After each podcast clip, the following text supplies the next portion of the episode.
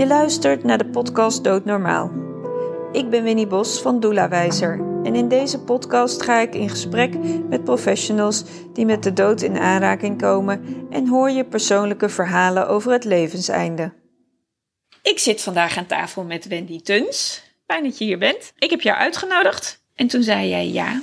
Ik ben dan altijd nieuwsgierig. Waar komt die ja vandaan? En ik zag dat jij een uh, podcast maakte en dat jij je eigenlijk hard maakte om uh, de dood meer bespreekbaar te maken. Nou ja, laat dat nou ook mijn uh, doel zijn, zeg maar, in het werk wat ik doe. Mm-hmm. ik had onlangs een, een, boek geschreven en mijn boek heet Doodgewone Verhalen. En toen dacht ik, hé, hey, grappig.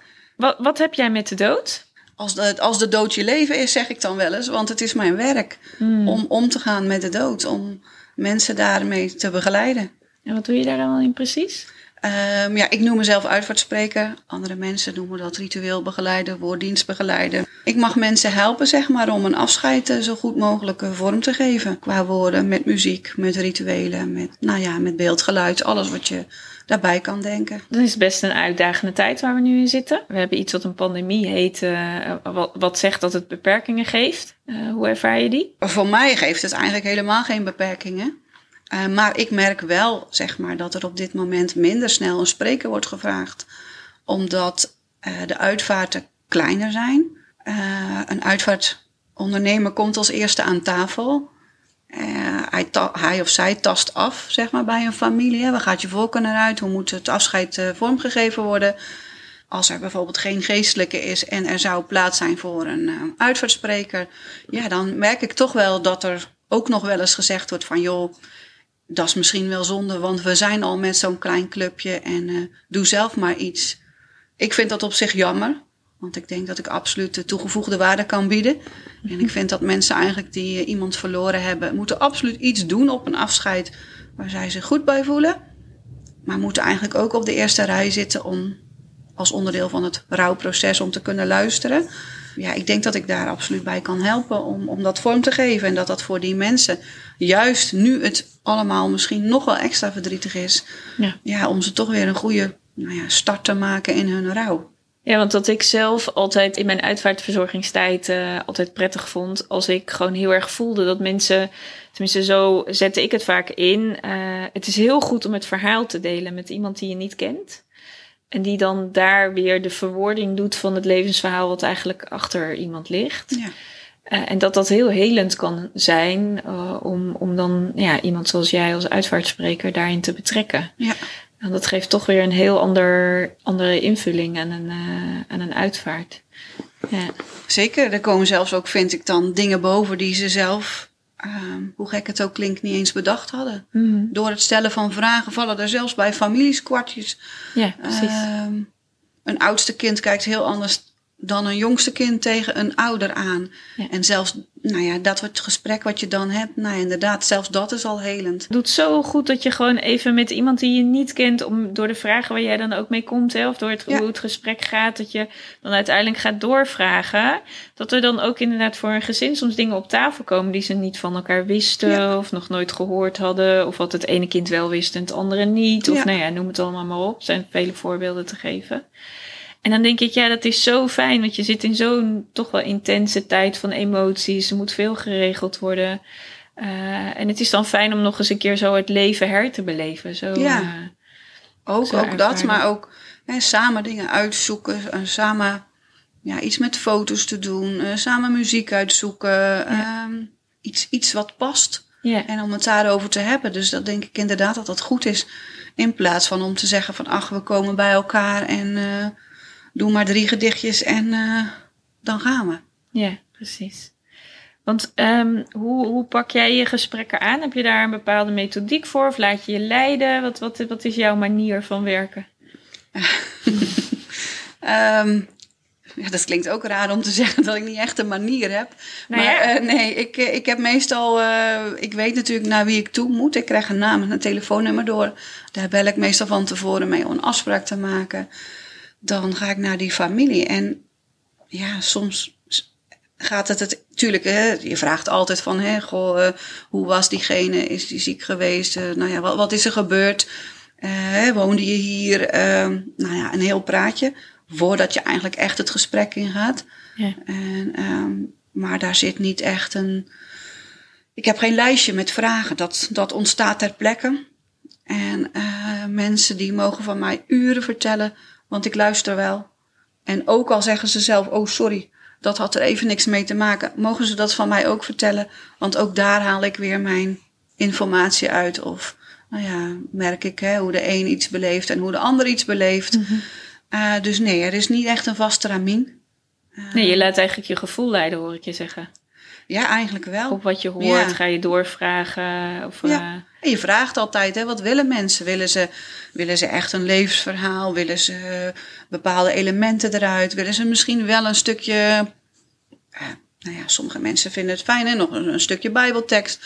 Ander zegt van, nou, een heel klein stukje uit, de- uit een boek of een gedicht of, of iets. eh, moeten ze het wel zelf, eh, zelf belangrijk vinden, want Ja. eh, ik ben daar zelf minder van. Maar eh, nee, ja, dan laat ik me gewoon leiden en dan eh, bespreken we eigenlijk van, ja, wat, wat, wil, wat wil jij of wat wil je vooral niet? mhm. En dan eh, komen we altijd tot een, eh, tot een mooie oplossing. Jij komt eigenlijk helemaal niet uit deze wereld. Ik kom uit het bedrijfsleven. Eh, toen ik, nou ja, hoe oud ben je? Een jaar of eh 16, 17, als je ergens een keuze moet gaan maken wat je ga- wilt gaan doen. Toen riep ik altijd, ik wil wel maatschappelijk werkster worden. Ik vond dat gewoon leuk, hè? luisteren naar mensen en helpen, dat leek me allemaal wel wat. Maar ja, dan ben je nog jong en dan zeggen je ouders tegen je van, goh, misschien moet je maar gewoon hè, veilig een soort eh secretaresseopleiding doen. Want dan, hè, ga maar ergens later op kantoor werken, want dan is er altijd werk. Nou ja, heb ik natuurlijk toch, eh, dan luister je nog naar je ouders, hè. Ja, dat is zo hè, als je tiener bent. Toen eh, heb ik dat inderdaad wel gedaan. Heb ik daar inderdaad een kantoorbaan gehad. Uiteindelijk heel lang bij een grote bankaire instelling gewerkt. Daaronder, ja, daar zeg maar af en toe wel intern van een van baantje geswitcht. Ik wist niks van bankieren daar niet van.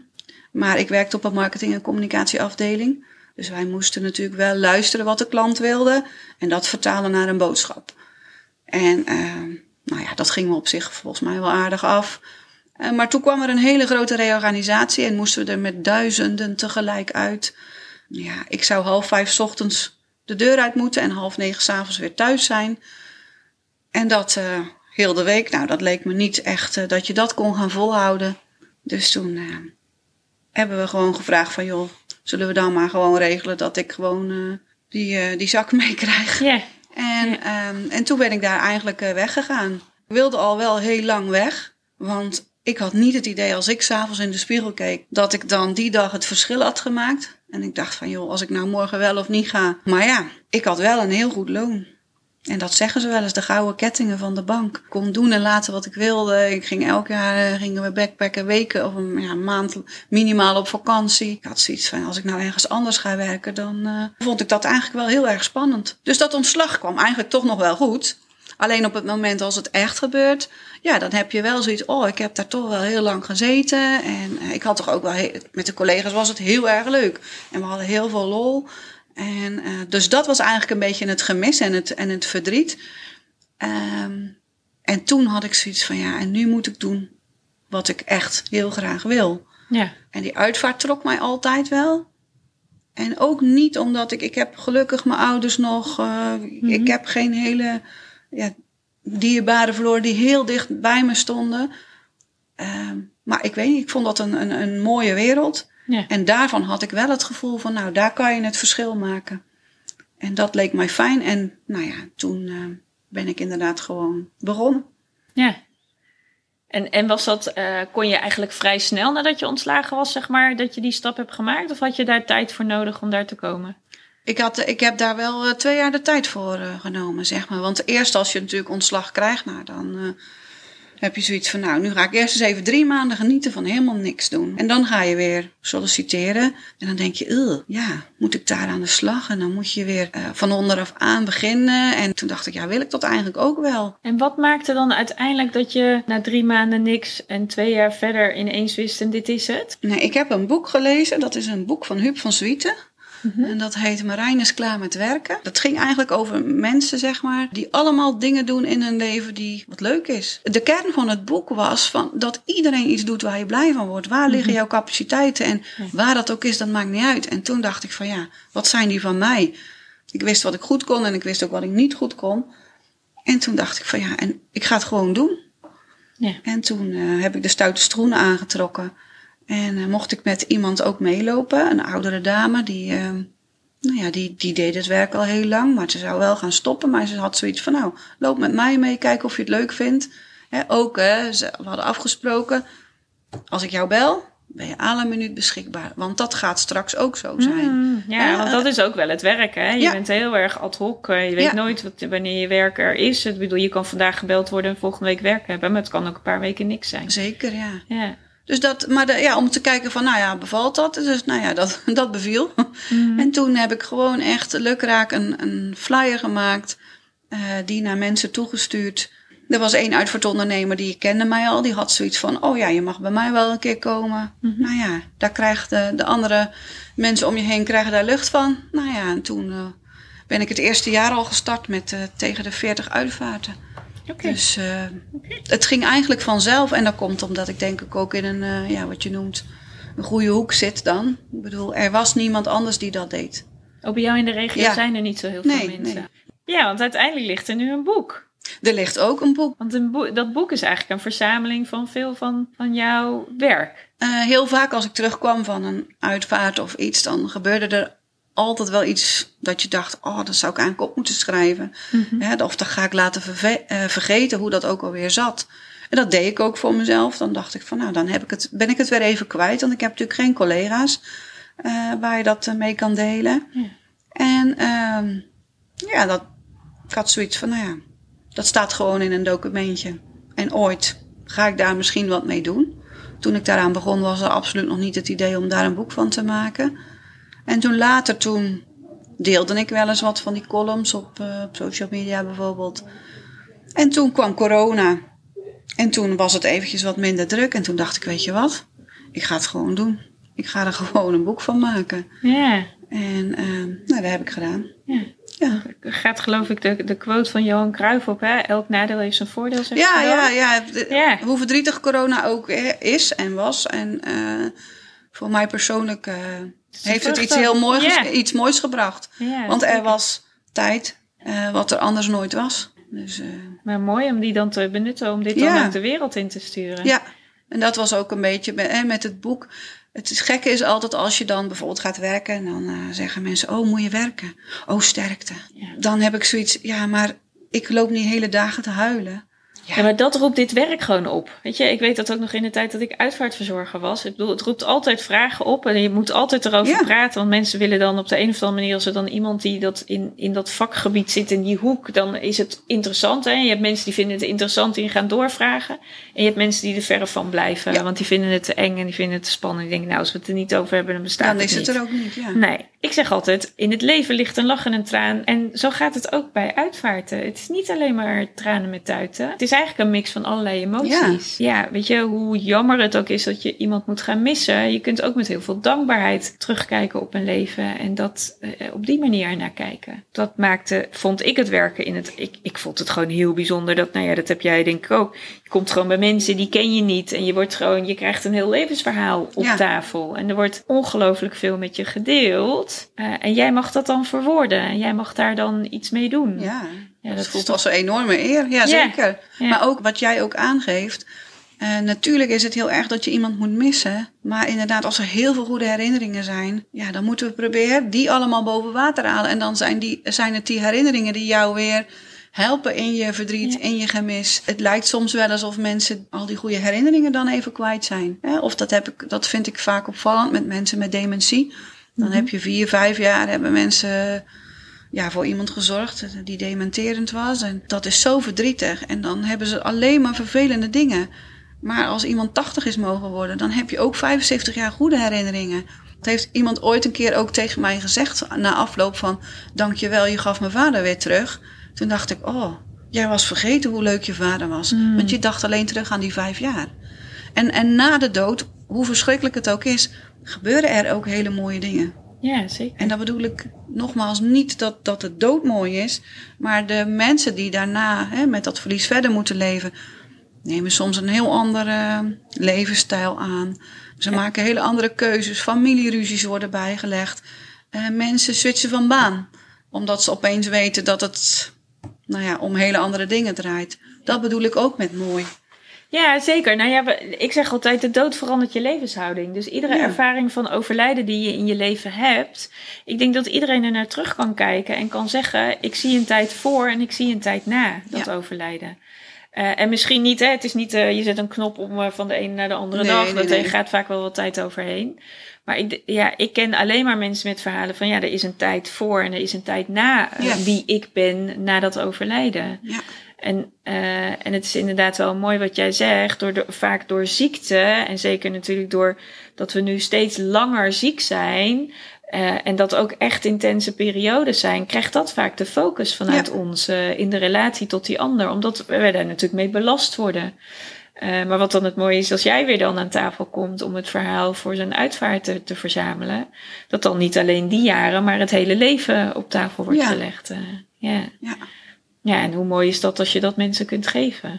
Ja, nou zeker. En, en met het boek ook, hè, wat, je, wat je ook aangeeft. Ik wilde ook, ik wilde de taboe eraf hebben. Ja. En uh, iedereen denkt ook dat iedereen vredig in een bedje sterft. Nou, dat is absoluut niet het geval. Nee, zeker niet. En uh, ze zeggen ook wel eens tegen mij van... Oh ja, maar jij leest toch zo'n verhaaltje voor? Ja, maar zo'n verhaaltje voorlezen... Uh, dat is niet die drie kwartier dat ik daar sta. Daar, daar zijn heel veel uren aan vooraf gegaan. Ja, en dan pas heb je zo'n verhaaltje. Maar dat verhaaltje wordt wel heel kostbaar. Ik vind, ik vind het fijn om ze een, een kijkje te geven, zeg maar. En mensen begrijpen nu soms veel beter van wat het inhoudt. Dat het geen verhaaltje voorlezen is, maar dat er zoveel meer omheen hangt. Weet je, de wereld heeft natuurlijk een beetje een, een beeld van het werk wat jij doet. Hè? En, en de reactie die je zegt, ja, dan moet je zo'n verhaaltje vertellen. Ja, ik, goed, ik weet, ik kom uit het vak, dus ik weet dat dat niet zo is. Dat geeft niet, het is mijn taak om te zorgen ja, dat... Ja, ja, ja, nee, dat snap ik. Maar, en, nou ja, daarom vind ik het ook wel goed om het gewoon helder te krijgen. Van, weet je, er, er gaat natuurlijk heel veel aan vooraf. Je hebt natuurlijk een gesprek met familie. Je gaat daar je informatie uithalen. Maar ja, dan heb je uren met elkaar gepraat. En dat, en dat moet die uren die je hebt gesproken, daar mag dan een soort kern uitkomen. Die je dan verwoordt in een heel mooi hè, verhaal. Of je dat nou doet aan de hand van synoniemen of een metafoor of echt een levensverhaal. Dat is net ook wat mensen zelf ja. willen. Hè? Um, maar daar, daar, daar gaat echt wel wat aan vooraf voordat dat ja. er staat. Ik bedoel, dat is niet even zomaar geschreven. Nee, zeker niet. Nee. En ook in die dagen hè, met, de, met de mensen dan. Hè, dan uh, nou ja, je laat je telefoonnummer achter. En ik zeg altijd, je mag me altijd bellen. Nou ja, al is het midden in de nacht, bij wijze van spreken. Ja. Maar ja, oké, okay, dan dat, ze laten me dan meestal wel met rust. Ja. Maar ook als het ochtends, als je om half acht denkt, ik moet, ik moet daar nu nog iets vertellen. Of s'avonds om tien uur. Weet je, dan mag je me appen of dan mag je bellen. Als, je, als jou dat oplucht, ja. dan uh, vind ik dat fijn. Ja, want vaak komen door gesprekken die jij met, met families hebben ook gewoon nadat jij weg bent, gewoon weer herinneringen boven van Ja, dingen ja. die ze niet genoemd hebben. Ja. ja. Of ik noem het altijd de deurgesprekken. Mhm. Dat iemand je dan nog bij de deur brengt en dat je daar dan nog een half uur staat. Oh, ja. Om dan soms nog even te corrigeren wat de een zei was wel waar en wat de ander zei Oh, was ja. niet waar. Ja. Uh, maar dat geeft niet. Laat alles maar. En uh, die ander gaat me dan ook nog wel bellen. Om zijn kant van, of haar kant van het verhaal weer te Ja, want vertellen. hebben, dat is wel mooi wat je er straks ook zei. Hè? Als je eigenlijk zeg maar, eh, nou neem je hebt een gezin met drie kinderen en vader overlijdt, dan hebben al die drie kinderen gewoon een ander verhaal over vader. Die is nooit hetzelfde. Natuurlijk zitten daar rode lijnen in, maar het is nooit identiek. Nee. Ieder heeft op zijn eigen manier zijn vader beleefd. Ja. En dat mag er allemaal zijn. Maar het is wel grappig wat jij zegt inderdaad, van dat mensen dan zichzelf willen corrigeren. Nee, dat was niet zo, want ik heb dat anders ervaren. Ja, ja, ja, ja, Ja. zeker. Kijk, en dat zijn er voor mij de uitdagingen. Mhm. Ja, Ja, zeker. er zijn altijd mensen die, die zeggen van... ehm, je moet er wel in zetten dat ik eh, er als het laatste bij was. Oh, echt waar? Zijn- ja, of dat, dat je... Hè, maar dan... eh, omdat bijvoorbeeld die broer of zus dat eng vond. Of dat Mhm. liever niet deed. Of er toevallig hè, net eh, de dagen ervoor eh, daarbij had gezeten. Ja, het moet natuurlijk geen promo-verhaal van jezelf worden. Hè, dus dat probeer ik dan altijd wel een beetje van... Nou, hè, zullen we dat net anders omschrijven? Of Ja, ja. we gaan daar mensen niet wegzetten van... Nee. jij was er wel of ik was er niet. Of, Nee. dat hoeft niet. Nee. Ik weet dat, hè, ook als uitvaartzorger is dat zo, maar ook als uitvaartspreker, je maakt echt bijzondere dingen mee, vind ik. Ik bedoel, ik kan ook een boek Ja. schrijven over de tijd dat ik uitvaartzorg Oh, was, dat ga ik niet ik. doen. Eh, Ik kan nog een boek schrijven, dat is denk ik drie keer zo dik. Maar dan, Oh, echt? eh, ja. Want wat, wat, wat, zijn dan de, wat zijn de dingen die jou raken? Wat, wa- waardoor word jij geraakt? Of wat, Oh. wat zijn dingen die je opvallen? Wa- wa- waarom ga je schrijven als je terug thuis komt? Als je een gesprek hebt gehad of een uitvaart?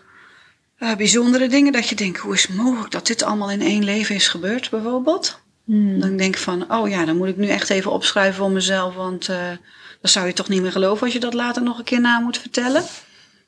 Eh, maar ook soms hele kleine dingen. Echte, die hebben met helemaal niks te maken. Ik, ik, nou ja, ik heb een column geschreven, De kus op het kerkhof. Weet je, dat hij op het kerkhof komt en we hadden een uitvaart van, eh, eh, even kijken, een jongen die eh, in een soort gezinsvervangend tehuis woonde. en, eh, verstandelijk beperkt. En daar waren ook zijn, zijn maatjes waren daar, hè, uit het huis. Nou, en dan loop je daar en dan komt er iemand op je af en die kust jou echt zo op het kerkhof. En dan loop ik naar huis en denk, nou, als het nou, nou overkomt. Ik ben nog nooit gekust op het kerkhof. Zo'n jongen Ja. die, die pakt mijn handen dan vast en dan zegt ik vond het een hartstikke leuke middag, mevrouw. En dan denk ik, ah, Ja. je hebt net je maatje moeten begraven. Maar hij heeft toch genoten van, van alle leuke liedjes die gedraaid werden. Hè, of dat hij nog een bloempje neer mocht leggen. Ja, daar word ik net zo goed door geraakt als door eh, hele heftige verhalen. Maar ik bedoel, ik, ik heb het boek geschreven ook. Hè, en alle, alle verhalen die daarin staan zijn afgestemd met de mensen die daarin Mhm. staan. Mhm. Eh, maar ja, je zou nog zoveel meer verhalen kunnen schrijven. Ja. Maar dat wil je soms niet, want je wilt, of die mensen willen dat niet. Hè? Dat is ook heel erg terecht. Eh, Of het zijn gewoon zulke beladen onderwerpen dat je denkt, nou, daar hoef ik nou niet mee te koop te lopen. Hè? Want het zijn wel de, de levens van iemand anders. ja. En wat, wat noem jij beladen onderwerpen? Misbruik bijvoorbeeld. Ja, Ja. dat zijn wel intense, Ja. intense En dan ga je ook niet aan iemand vragen van, kijk, ik heb een verhaal over je geschreven, wil je het even lezen of je het zo goed vindt? Dat Nee. doe je niet. Ben je ook wel eens een keer zo verrast geweest door wat er op tafel kwam, dat je echt een beetje van je stuk was geslagen? Dat je echt dacht van, wat nu? Nou ja, niet wat nu, tenminste wat nu, want ik bedoel, het verhaal komt er altijd. Maar er zijn echt wel eens verhalen dat ik denk, nou, alles wat je maar in het leven kan bedenken, dat heeft die meneer of mevrouw wel meegemaakt. Dat je echt naar huis rijdt en dat je denkt, nou, nu moet ik wel even bijkomen. Hoe is dit mogelijk? Maar het is nooit dat ik dan denk van, ik krijg het niet op papier. Dat niet. Nee, ze weet het altijd wel te verwoorden. Ja. Ja, want alles is een verhaal. Kijk, en je hoeft ook niet alles te vertellen. Hè? Wat, wat andere mensen je verteld hebben, daar kan je ook delen uit gebruiken. Ja, ze zeggen ook wel eens hè, over de doden niets dan goed. Hoe is dat als jij ver- eh, verhalen schrijft? Het is niet de bedoeling om daar iemand te gaan staan afbranden. Dat is niet gepast. Nee. Maar eh, nee, ieder mens heeft heel veel goede dingen. En heeft ook wel eens wat mindere dingen. Maar eh, ik vind dat je die wel moet benoemen. Want anders zit je straks in de zaal en dan denk je over wie hadden ze het nou. En daar probeer ik ook altijd wel naar te zoeken. Omdat ik hè, zo waarheidsgetrouw wil vertellen. Ja. Maar eh, ook vervelende dingen kan je soms eh, heel mooi omdenken. Kan je hetzelfde zeggen terwijl het toch veel vriendelijker klinkt. Mm, En dan weet iedereen wat er bedoeld wordt. precies, ja. Dus ja, ja nee, er, er worden ook wel eens dingetjes verteld die misschien ietsje pietje minder leuk zijn. Ja. Maar ik, die mensen moeten afscheid nemen van iemand. En het moet wel eh, een waarheidsgetrouw verhaal zijn. Eh, Je hebt natuurlijk ehm, cremeren en begraven. Ik neem aan dat je bij beide soorten uitvaarten wordt, eh, wordt ingehuurd. Maar Er zijn wel uitvaartondernemers die bijvoorbeeld uit praktische overwegingen niet cremeren. Oh ja. Hè, dus dan, dan, dan ben ik daar natuurlijk alleen met een begrafenis. ook jij merkt denk ik wel de ontkerkelijking in Nederland. Waardoor jouw werk gewoon meer... Ja, nu woon ik denk ik nog wel in een iets kerkelijker gebied. Maar ook nog steeds wel inderdaad dat er steeds meer mensen zijn die daar ja, misschien iets minder mee hebben. Of ze hadden het wel, eh, hebben daar jarenlang niks mee gedaan.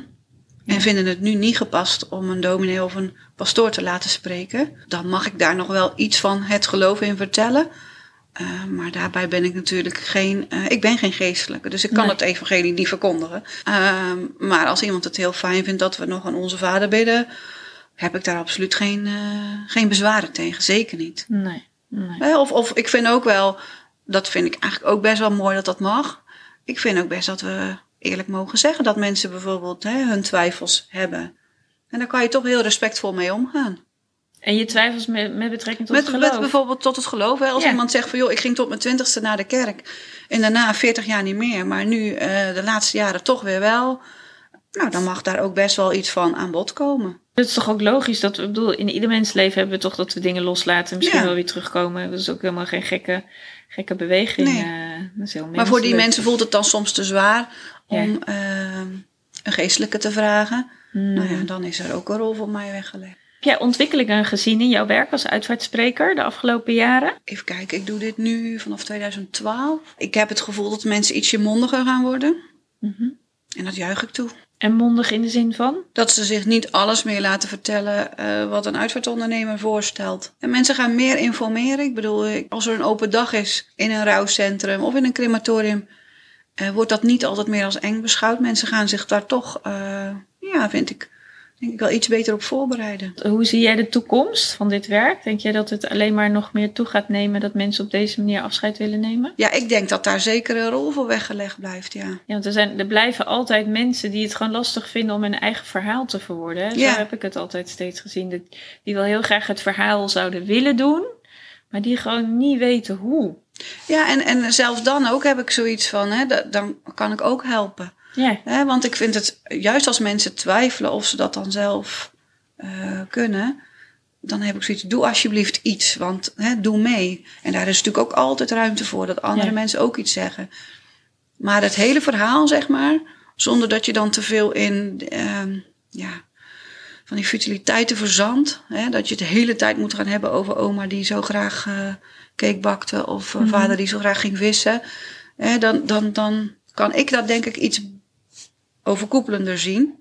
ja want weet je, eh, overlijden eh, blijft, dat gaat Ja. niet weg. hè. Dat is Nee, ook dat, mooi eh, ook aan dit werk. Ik bedoel, er is altijd werk, alleen die is wel heel erg afhankelijk van soms een uitvaartonderneming die dat wel Ja. of niet benoemt. Ja. En de kennis van mensen dat ze weten dat dit bestaat. Ja. Want dat is het dan ook wel. En wat jij zegt, men is zich wel meer aan het informeren over mogelijkheden.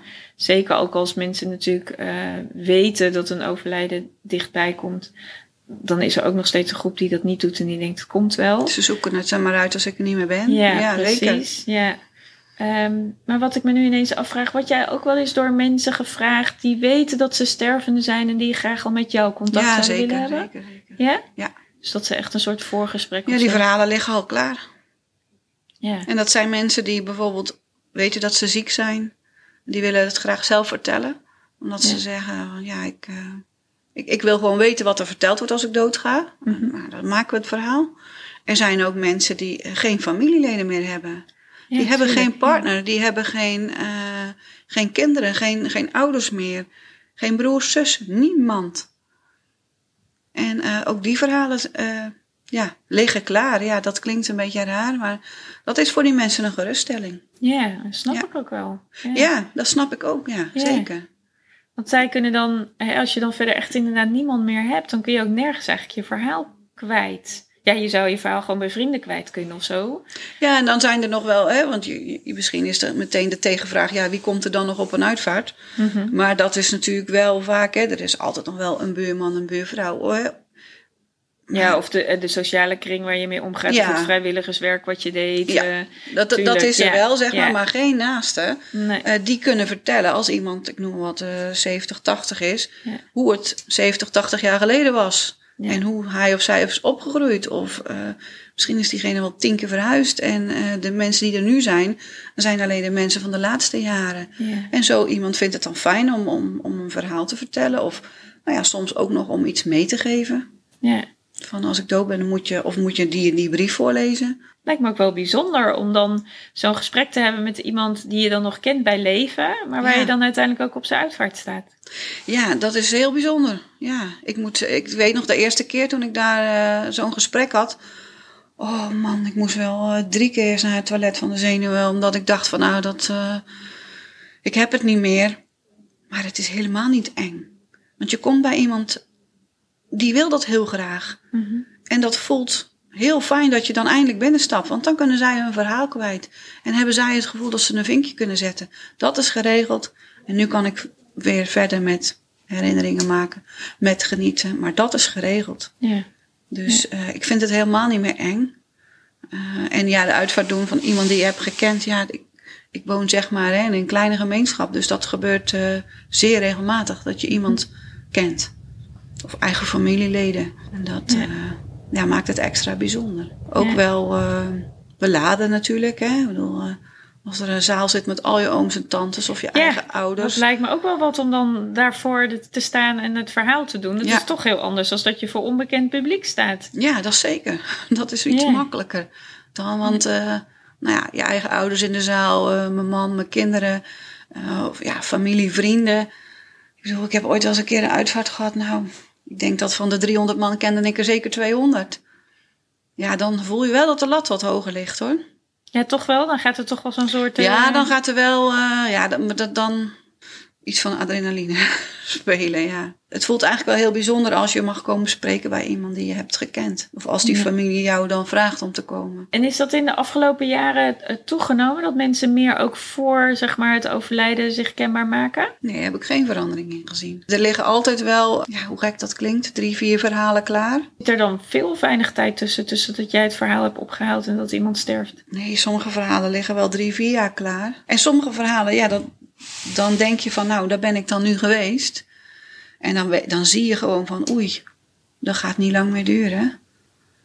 En dan, eh, ja, leven ze na anderhalf jaar nog. Oh ja. En dan, eh, ja, het enige wat ik dan denk is, eh, fijn voor diegene. Hmm. Dat verhaal, dat, dat ligt wel, dat is niet erg. En dan denk ik, oh gelukkig, want juist omdat je diegene al hebt gesproken hè, en, en vertelt wat hij of, of hem of haar zo, ja, nog zo bezighoudt, denk Ja. ik, oh gelukkig, er is alleen maar meer tijd. Ja. Ik, vind het, ik, ik, ik vind het heel dankbaar om te mogen doen, maar ik vind het ook wel eens lastig. Ja. Ja, Ja. Hey, en ehm, je hebt die eh, verhalen natuurlijk nu opgetekend, zoals ze dat dan Ja, mooi zeggen, ja, in een boek. Hè? Opgetekend in een boek. Wat, wat, is, wat, wat wil je dat je boek gaat doen? ik hoop dat het mensen raakt, dat het ze inspireert en dat het ze aanzet tot denken. En eh, de reacties die ik heb gekregen, doet het dat. Dus het helpt mensen om het onderwerp wat meer op tafel te krijgen. Ja. Ja. En voor ik heb, eh, er zijn heel veel mensen uit de zorg ook die, eh, die het boek hebben besteld. Oh, interessant. Ja, dat vond ik ook. Het- Tenminste, dat vond ik inderdaad ook. Ja, daar is het ook vooral een, een, een, nou ja, feest der herkenning. Dat klinkt een beetje raar, maar die hebben zoiets. Oh, oh ja, herkenbaar. Want wat geeft het hun dan in de zorg? Echt alleen maar die herkenning? Of is het meer dat zij. Hè, want je doet natuurlijk vaak als je in de zorg werkt, hoor je vaak dat mensen heel praktiserend hun werk doen. En dat hun eigen gevoel daarin niet altijd op tafel komt te liggen. In mijn boek, zeg maar, zit denk ik heel veel van mijn gevoel. Hoe ik met mijn eh, mensen omga, of wat ik zie en wat ik beleef. En ik denk dat zij datzelfde gevoel precies zo hebben. Dus dat ze daarin, nou ja, erkend of herkend worden zijn. En, en ja, heel veel mensen die toch zeggen ook van... eh, Oeh, het kan toch eigenlijk wel... Ja, het kan ook zomaar over zijn. Ja, ik moet toch bewuster dingen doen. Of ik, ik, moet, ik moet iets anders gaan doen. ja. En iets anders hoeft niet helemaal groot te zijn. Als je denkt van... Goh, ik ga nu één keer in de maand naar mijn oma. Ik ga voortaan maar eens één keer in de twee weken naar mijn oma. Want wat heeft, heeft dit werk jou veranderd? Weet ik niet. Dat moet je eigenlijk aan mijn omgeving vragen. Ja. Maar heb je Eh, nee, verandering ja. bij jezelf geconstateerd? Ja, ja, ja. Ik denk, ik, ik kan echt. eh, ik kan me vreselijk irriteren als iemand klaagt over eh, ja, dingen die ik totaal niet relevant vind. Wees blij met, met wat je hebt. Bel een keer naar iemand. Het kost jou maar 10 minuten, maar eh, die oude tante die eh, kan daar wel drie dagen op teren. Jij maakt nu het thema bespreekbaar door je boek. Het geeft bewustzijn hè, bij mensen. Ze herkennen hè, door de verhalen. Dat, dat is hoe verhalen, dat vind ik ook zo mooi. Dat is hoe verhalen werken. Die halen herkenning naar boven. Dat ligt dan weer dingen van onszelf op tafel. En het haalt eigenlijk naar boven waar jij zelf ook ooit eens voor hebt gestaan. Is dit nu eigenlijk waar, waarvoor ik hier wil zijn? Is dit nu het werk wat ik eigenlijk zou willen Ja. doen? Ja, Is dit nu waarvoor ik, als ik in de spiegel kijk, denk: word ik hier blij van? Ja. En ben ik van toegevoegde waarde? Eigenlijk noem je daarin gewoon de vijf dingen die aan het einde van het leven worden genoemd, vaak door mensen als het leven voorbij is en ze sterven zijn en denken: Oh, had ik maar niet zoveel tijd besteed aan het leven van een leven van een ander, zoals ze dat wilden. Had ik maar wat meer tijd aan mijn vrienden besteed. eh, had ik toch, eh, weet je, die, die dingen zitten eigenlijk in jouw verhalen, die mensen nu een beetje een alertheid geven van: Nou, kijk eens in de spiegel en vraag jezelf af: Is dit het eigenlijk wel? ja, Ja, mooi Ja. dat je dat dan bereikt. ja. ja. Ik, eh, ik ben er blij mee. Ja. Ja, hey, en nu heb je zo'n boek geschreven. Dat ligt er dan. Hoe voelt dat dan als je dan zo'n boek hebt geschreven? Want mensen zeggen altijd het is heel bijzonder als je ineens een boek in je handen hebt. Ja, ik weet niet. Misschien ben ik daar dan ook wel heel nuchter in. Ja. Ja, ik vond het superleuk dat het er lag. En ik was Ja. ook, natuurlijk ben er heel trots op. Dan zie ik zo'n stapel boeken staan. Of eh, zie ik het liggen in de boekhandel. Ja. En, Hoe, eh, wat is dat dan als je het ziet liggen? Want jij hebt het boek meegenomen. Ik ga hem even uitpakken. Ik heb het, het ligt bij ons in de lokale boekhandel. Mhm. En voor de rest is het gewoon via de, de website te bestellen. Ja. En ehm, ja, natuurlijk is dat, is dat heel erg leuk. Of als je bij mensen komt en je ziet het eh, daar ergens in zo'n eh, leesmandje liggen of zo. Ja. Ja, tuurlijk, daar groei je wel een klein beetje van. Ja, ga je Ja. dat dan ja zien? Ja, tuurlijk ben je toch wel een beetje, een beetje trots, zou ik maar zeggen. Ja, mooi. Hey, en hoe, hoe, hoe ben je tot de, tot de foto en de voorzijde gekomen? Want die vind ik wel heel bijzonder. Ja, herken je er? Ja, volgens mij ben jij dat. Ja, dat klopt. Ja. Nee, ja, ik, ik had zoiets van, eh, ik fiets je leven in of ik fiets hem uit. Dat, dat is maar hoe je het... eh, Oh, hoe je het wil zien. En eh, die stoel en het tafeltje, ja, dat is dan. Dat nodigt uit om te zitten, om te praten. Zeg ik het luisteren. Ja, Ja, en wat ik wel mooi vind is dat het een, een foto is die buiten is gemaakt. Want het gaat eigenlijk ook over die. voor- mij staat die fiets heel erg van. Dat is het leven wat we buiten leven. En als je dan in die stoel gaat zitten, kunnen we het hebben over het leven wat we binnen leven. nou, zo kan je hem ook nog bekijken. Zo had ik hem niet bekeken. Nee, zo komt hij op mij Ja. over. Ja, vind ik mooi. Ja, Ja, want dat is eigenlijk wat jij doet. Je, je zegt wel, je fietst erin en je fietst er weer uit. Maar dat is wel heel snel gezegd. Maar je Ja. geeft wel echt betekenis onderweg. eh. ja, en ik fiets er ook niet zo snel uit hoor. Nee, ik wou net zeggen. Want, Want, ik- ehm, eh, nou ja, weet je, ik kan heel veel dingen niet. Maar er is wel iets wat ik wel kan en dat is heel goed onthouden. Hmm, Een soort fotografisch geheugen. ja, Dus ik, nou, ik kan van elke uitvaart bijna nog wel iets herinneren. Ja. En ik kan niet alle, iedereen, iedereen zijn naam meer herinneren. Hè? Want als ik in één gesprek heb en ik zit met tien mensen aan tafel. En ik heb, nou ja, heel veel uitvaart op een jaar. Dan kan ik niet 700 namen onthouden. Nee. Maar er is altijd wel iets dat je denkt. Oh ja, dat was toen in dat huis. Of oh, dat was toen toch eh zulk slecht weer. Of eh, oh, wat was dat toen ingewikkeld met eh, die of die, die die terug moest komen van vakantie, weet je wel. En altijd als je iemand ziet, hè, dan ja, word je nog wel even aan je jasje getrokken. ja. Of, eh, ja. dus, dus ja, en ik probeer ook, ja, daar probeer ik ook wel aandacht aan te geven, zeg maar.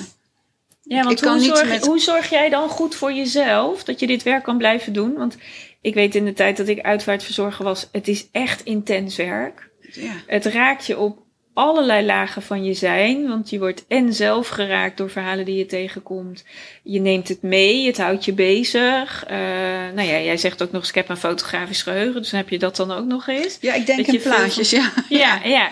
Dus dat je ook nog op die manier de dingen bij je houdt. Maar hoe zorg je er dan toch voor dat jij jouw eigen energie op orde houdt? En dat je niet alles in je broekzak stopt en daar dan altijd maar iedere dag mee op pad gaat? ja. Ik heb dat gevoel helemaal niet. Ik, ik, ik, Oké. Ik heb het gevoel dat ik, eh, ik vind het zo fijn om te werken. Mhm. En als ik thuis kom, dan eh, ja, doe ik mijn eh, nette jurkje weer uit. En dan is het ook weer klaar. Oh ja, oké.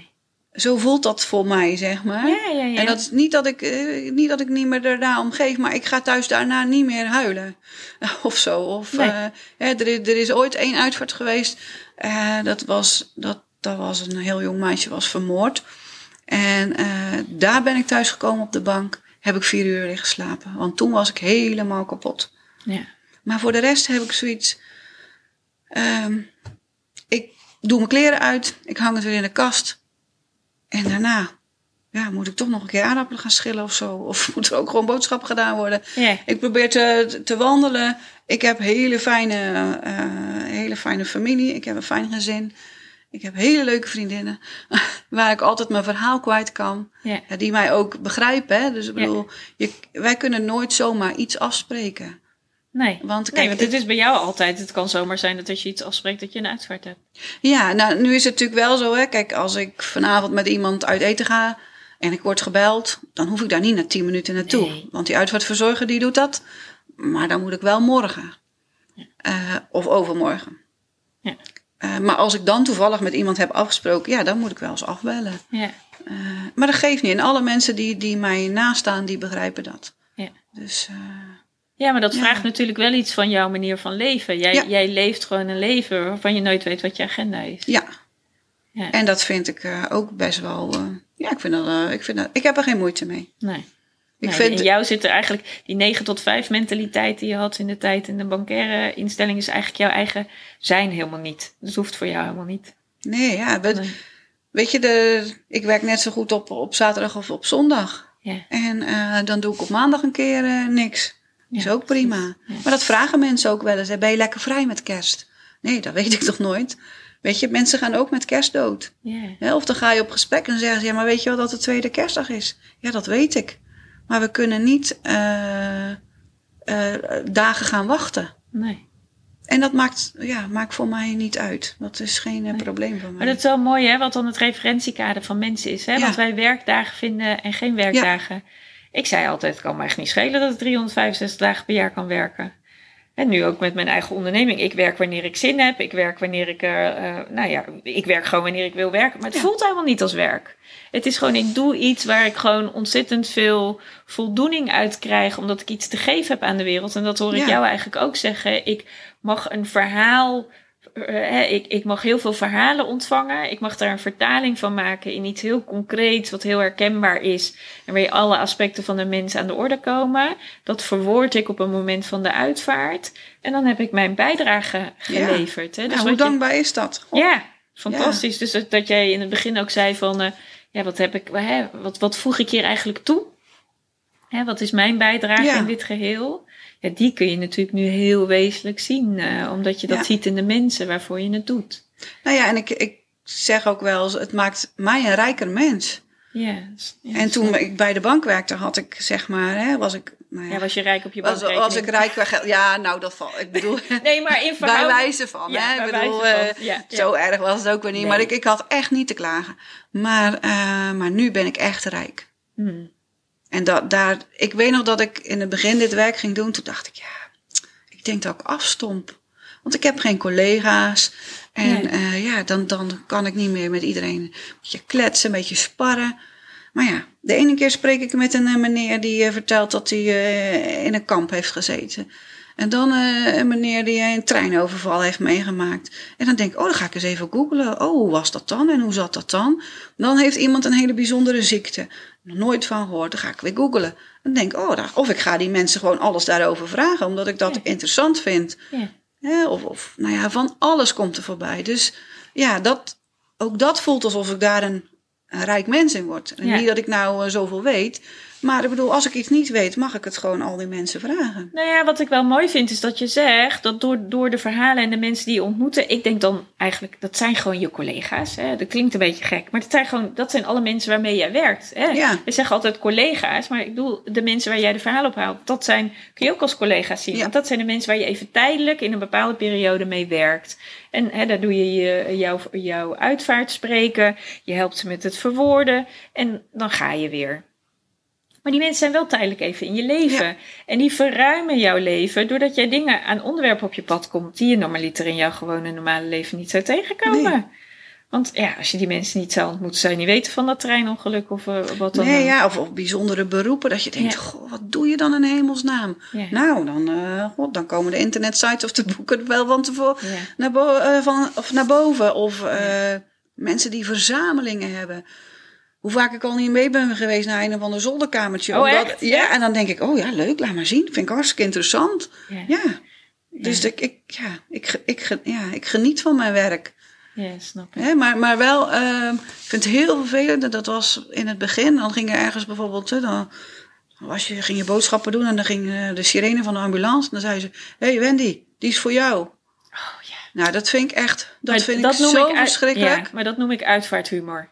Dat is de- Ja, ik doe het, ja, maar dus ik, voor mij idee zijn dat domme mensen die dat zeggen. ja, ik vind het ook niet Maar dat vind ik, dan voel ik me heel ongemakkelijk. Ja. En ik heb nooit dat ik, als ik hoor dat iemand ziek is en ik vraag hoe het met diegene is, dan is dat oprecht. Hmm, En dan denk ik niet, ik hoop dat ik straks mag komen.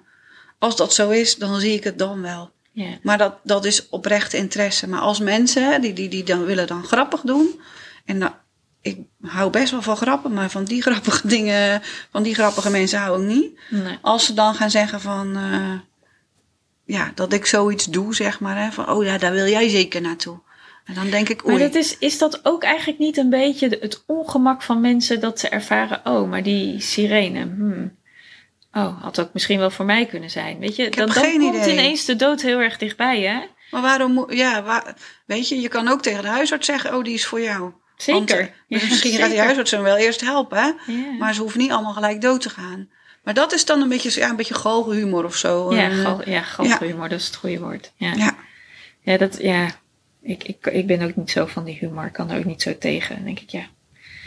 Die ambulance rijdt gewoon ergens heen waarvoor die gebeld is. Ja. En En- ik denk dan niet van, oh, ik moet over vijf dagen nu een uitvaart doen. Hmm. Echt niet. Ik hoop alleen dat diegene die daarin ligt, dat die snel beter is. Ja, precies. Ja. Want ik heb ook wel geleerd, en dat heeft een hele wijze uitvaartondernemer mij verteld. Mhm. Ehm, hè, ze zeggen natuurlijk wel, hè, de een zijn dood is de ander zijn brood. Ja, maar- zo'n- vind ik ook zo'n rotopmerking. Ja, maar ik bedoel, eh, ik kan er niks aan doen dat mensen doodgaan. Dat, Nee. dat gebeurt. Alleen als ze dan voor jou kiezen, hè, voor mij als spreker, voor iemand anders als uitvaartondernemer, dan mag je daar blij mee zijn. Ja. En dat ben ik dan. Ja. Maar ik kan er niks meer aan. Ik wens niemand dood, want mensen gaan toch dood. Maar dat ik dan mag helpen, dat vind Ja. ik dan fijn. Ja, zeg maar. precies. Ja, ja het, het- weet je, omdat er gewoon zo over die dood natuurlijk zo'n... Nou ja, jij noemde het een taboe. Ik blijf Ja. graag uit dat woord, omdat ik denk, als ik het een taboe noem, dan zet ik, dat, dan zet ik die dood zo vast. En ik Ja. wil juist dat die dood gaat stromen in zijn, in zijn hele zijn. Hè? Dus eh, jij noemt het ook niet voor niks je boek Doodgewone Verhalen. Eh, omdat het eigenlijk gaat over het doodgewone leven wat we leven. Ja. Want dat is wat jij doet. Jij, jij verwoordt gewoon het leven wat, wat, wat voorbij is. En daar is een dood voor nodig, omdat dat dan in, in het vak wat jij hebt te verwoorden. Maar vroeger, echt heel lang geleden, was de dood onderdeel van het leven. Ja, En nu worden we daarvoor, hè, eh, kinderen worden daarvoor weggehouden. ja. Nou, dat levert trauma's op. Dat is niet goed, eh, vind ik in ieder geval. Nee, dat is zeker en nu, ik bedoel, het is niet dat we daar allemaal naar uit moeten kijken. Maar we, ja, soms is het nou eenmaal zo. Ja, En tuurlijk, ik, ik vind het ook fijn als iemand, hè, als je 90 bent, dan iemand eh, die 30 is. Hè, dat begrijpt me goed. Maar als het onderdeel van het leven is, bespreek het dan. ja. En hou, hou elkaar daar niet voor weg. Nee. Hoe vaak ik wel niet hoor dat, dat, dat mensen zeggen van... eh, ja, ja, heb je dat gehoord? Die, die is dood. Ja, ik zag eh, die vrouw. Nou, ik ben even het andere gangpad ingegaan hoor. Waarom? Ja, en, zeg, maar, en zeg gewoon... Hoi, ik weet niet wat ik zeggen moet. Nou, dan zeg je dat. dan- dat vinden we zo lastig. hè? Ja, dat vind ik zo jammer. Ja, dat vind, dat vind ik ook jammer. Want dan denk ik, het enige wat diegene nodig heeft is een luisterend oor. Ja. En die wil gewoon zijn verhaal kwijt. Want die Ja. heeft gewoon verdriet. En die, die, die loopt daarmee onder zijn, hè, onder zijn arm. En die, die wil gewoon... Want die voelt dat, dat hij Ja. genegeerd wordt. Die voelt dat, dat hij genegeerd wordt. En, en ik denk dat wij mensen die dat doen, niet in de gaten hebben... dat die ander dat zeker wel ziet en ook voelt dat dat gebeurt. Nee. Maar mensen doen het ook niet expres. Hè. Het is ook... Nee, het is je ongemak. onmacht, ja. ja. het is je ongemak wat maakt dat je ineens heel ongemakkelijk gaat doen. En denkt, oh nou ja, even Ja. een straatje om. Ik weet, ik heb het zelf ooit gedaan. eh, bij een, eh, een- een klasgenoot. Wij waren net klaar met school. En die kwam ik nadat wij afgestudeerd waren weer eens in de stad tegen. En het was eigenlijk een hele goede vriend van me. Maar ik was gewoon niet in mijn doen. Ik dacht, pff, even nu geen zin om met je te spreken. Ja. Een week later was die jongen dood. Oeh. Nou, daar ben ik echt zo van wakker geworden dat ik dacht, ja, hoezo straatje om? Niks ervan. Als ik nu iemand zie en ik denk, ik wil een praatje maken, maak ik een praatje. Ja. Want het kan dus, en, en ik was toen echt eh, begin twintig, hè, nou nog niet eens begin twintig. Dan denk ik, ja, het kan dus ook voor mijn leeftijd toen, het kan dus zomaar over zijn. Ja, zeker. Dus ja, hoezo, eh, ik heb er nu geen zin in. En dan maak je mijn zin weer niet. Ja. Ja, nee, Ja. maar echt. Dus, dus daarin heb ik eigenlijk hard op, op een harde manier geleerd. Van ja, dat is, dat is niet oké. Ja. Zeg niet oké. Of ja, niet oké. Dat is dan weer een oordeel. Ik vind dan niet dat ik mag oordelen. Maar ja, ja ik vind er wel wat van. Dat mensen gewoon dat gesprek niet aangaan. Want ik gun maar- het iedereen zo. Maar ze durven het niet of ze hebben het niet meegekregen. Of, Nee. eh, hoe vaak ik wel niet bij families kom. Die dan bijvoorbeeld. Dan zijn het echt mensen van, van 70, 80 jaar die nog kunnen huilen. Omdat ze vroeger, toen ze heel jong waren, een klein broertje of zusje hebben verloren. Waar ze toen niet bij mochten zijn. Ja. Waar ze van weggehouden zijn. Nou ja, kijk, ik krijg er Ja, gewoon kippenvel van. Ja. Want, ja, ik voel het ook. want dat is echt, die mensen, die pijn hebben ze nog. Ja, ik zei altijd eh, als ze eh, in de tijd dat uitvaartverzorgen, dat er dan ouders waren die zeiden: nee, kinderen die nemen we niet mee. Ik zeg, ik zeg, nou, dan wil ik u even herinneren aan de generatie die nu 70 en 80 is, die bij de dood zijn weggehouden. Ja. Ga met hun het gesprek aan. Je krijgt er gewoon niet het gesprek over aan, want het is een trauma. Maar kinderen zijn hartstikke leuk. En, en die, zijn, die staan aan het graf en, die zeggen, en dan is iedereen heel verdrietig. En dan kijken ze zo gat in en dan zeggen ze: Zo, dat is diep.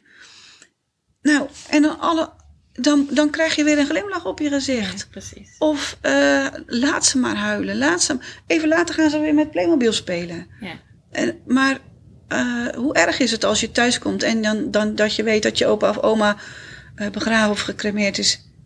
Jij hebt die kist niet gezien. Jij hebt opa of oma niet gezien. Nee. Je moet, dat moet je dan allemaal maar geloven. Precies. En als je dat wel gewoon mag zien, en zeker als ze er zelf naar vragen, maar zijn het toch vaak de ouders die ze ervan weghalen. Maar dat is het hem, hè. Als we, als we kijken naar, en die voel ik ook wel steeds meer, en dat herken ik ook wel in de gesprekken die ik nu doe voor deze podcast. Als ik de verhalen hoor, dan denk ik, wij volwassenen zijn degene die de verandering rondom dit thema eh, kunnen creëren.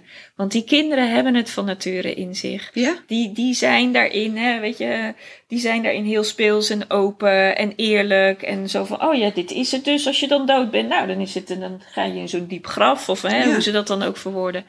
Maar doordat wij volwassenen dingen meemaken in ons leven eh, eh, en de- nou ja, daar onze dingen mee doen, of met de dood misschien wel slechte ervaringen hebben gehad, gaan wij dat ineens onze kinderen opleggen. Dat Ja. het iets heel slechts is. Maar dat is het niet. Het is Nee. een feit van het leven waar we niet omheen kunnen. Ja. En het enige wat we daarmee mogen doen, is daarmee omgaan. En het daarover hebben. Ja. En daar, nou ja, zoals jij dat dan mooi met je boek doet, ehm, ehm, doorgeven. Dat iemand een beetje wakker wordt. Ja. Of misschien wel open staat en niet dat bochtje omleent.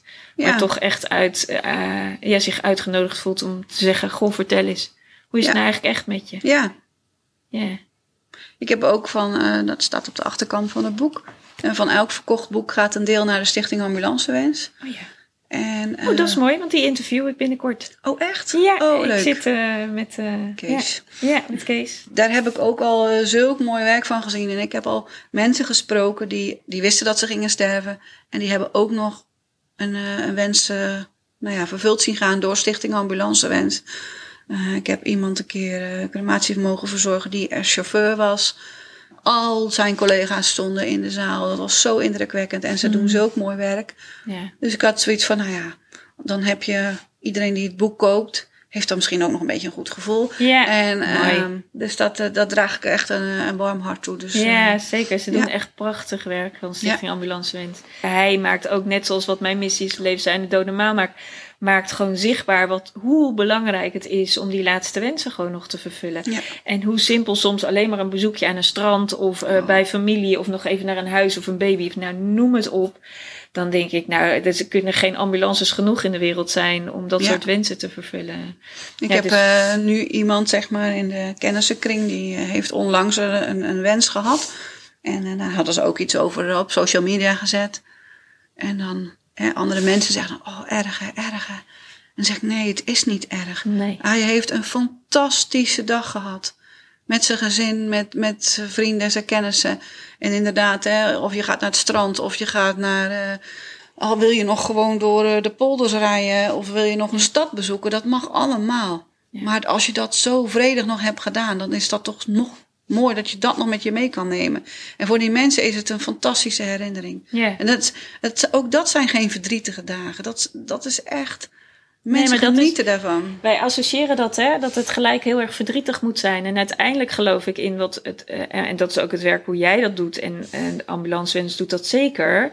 Het draagt ongelooflijk bij voor de tijd nadat iemand weg is. Ja, echt. Het draagt bij aan het verwerken. Het draagt bij aan hoe jij ermee verder moet als Ja. je iemand moet gaan missen. Eh, en jij doet dat met je verhalen, doordat je dingen weer terughaalt en verwoordt die misschien nooit meer besproken waren, door dat in woorden te samen, eh, samen te vatten.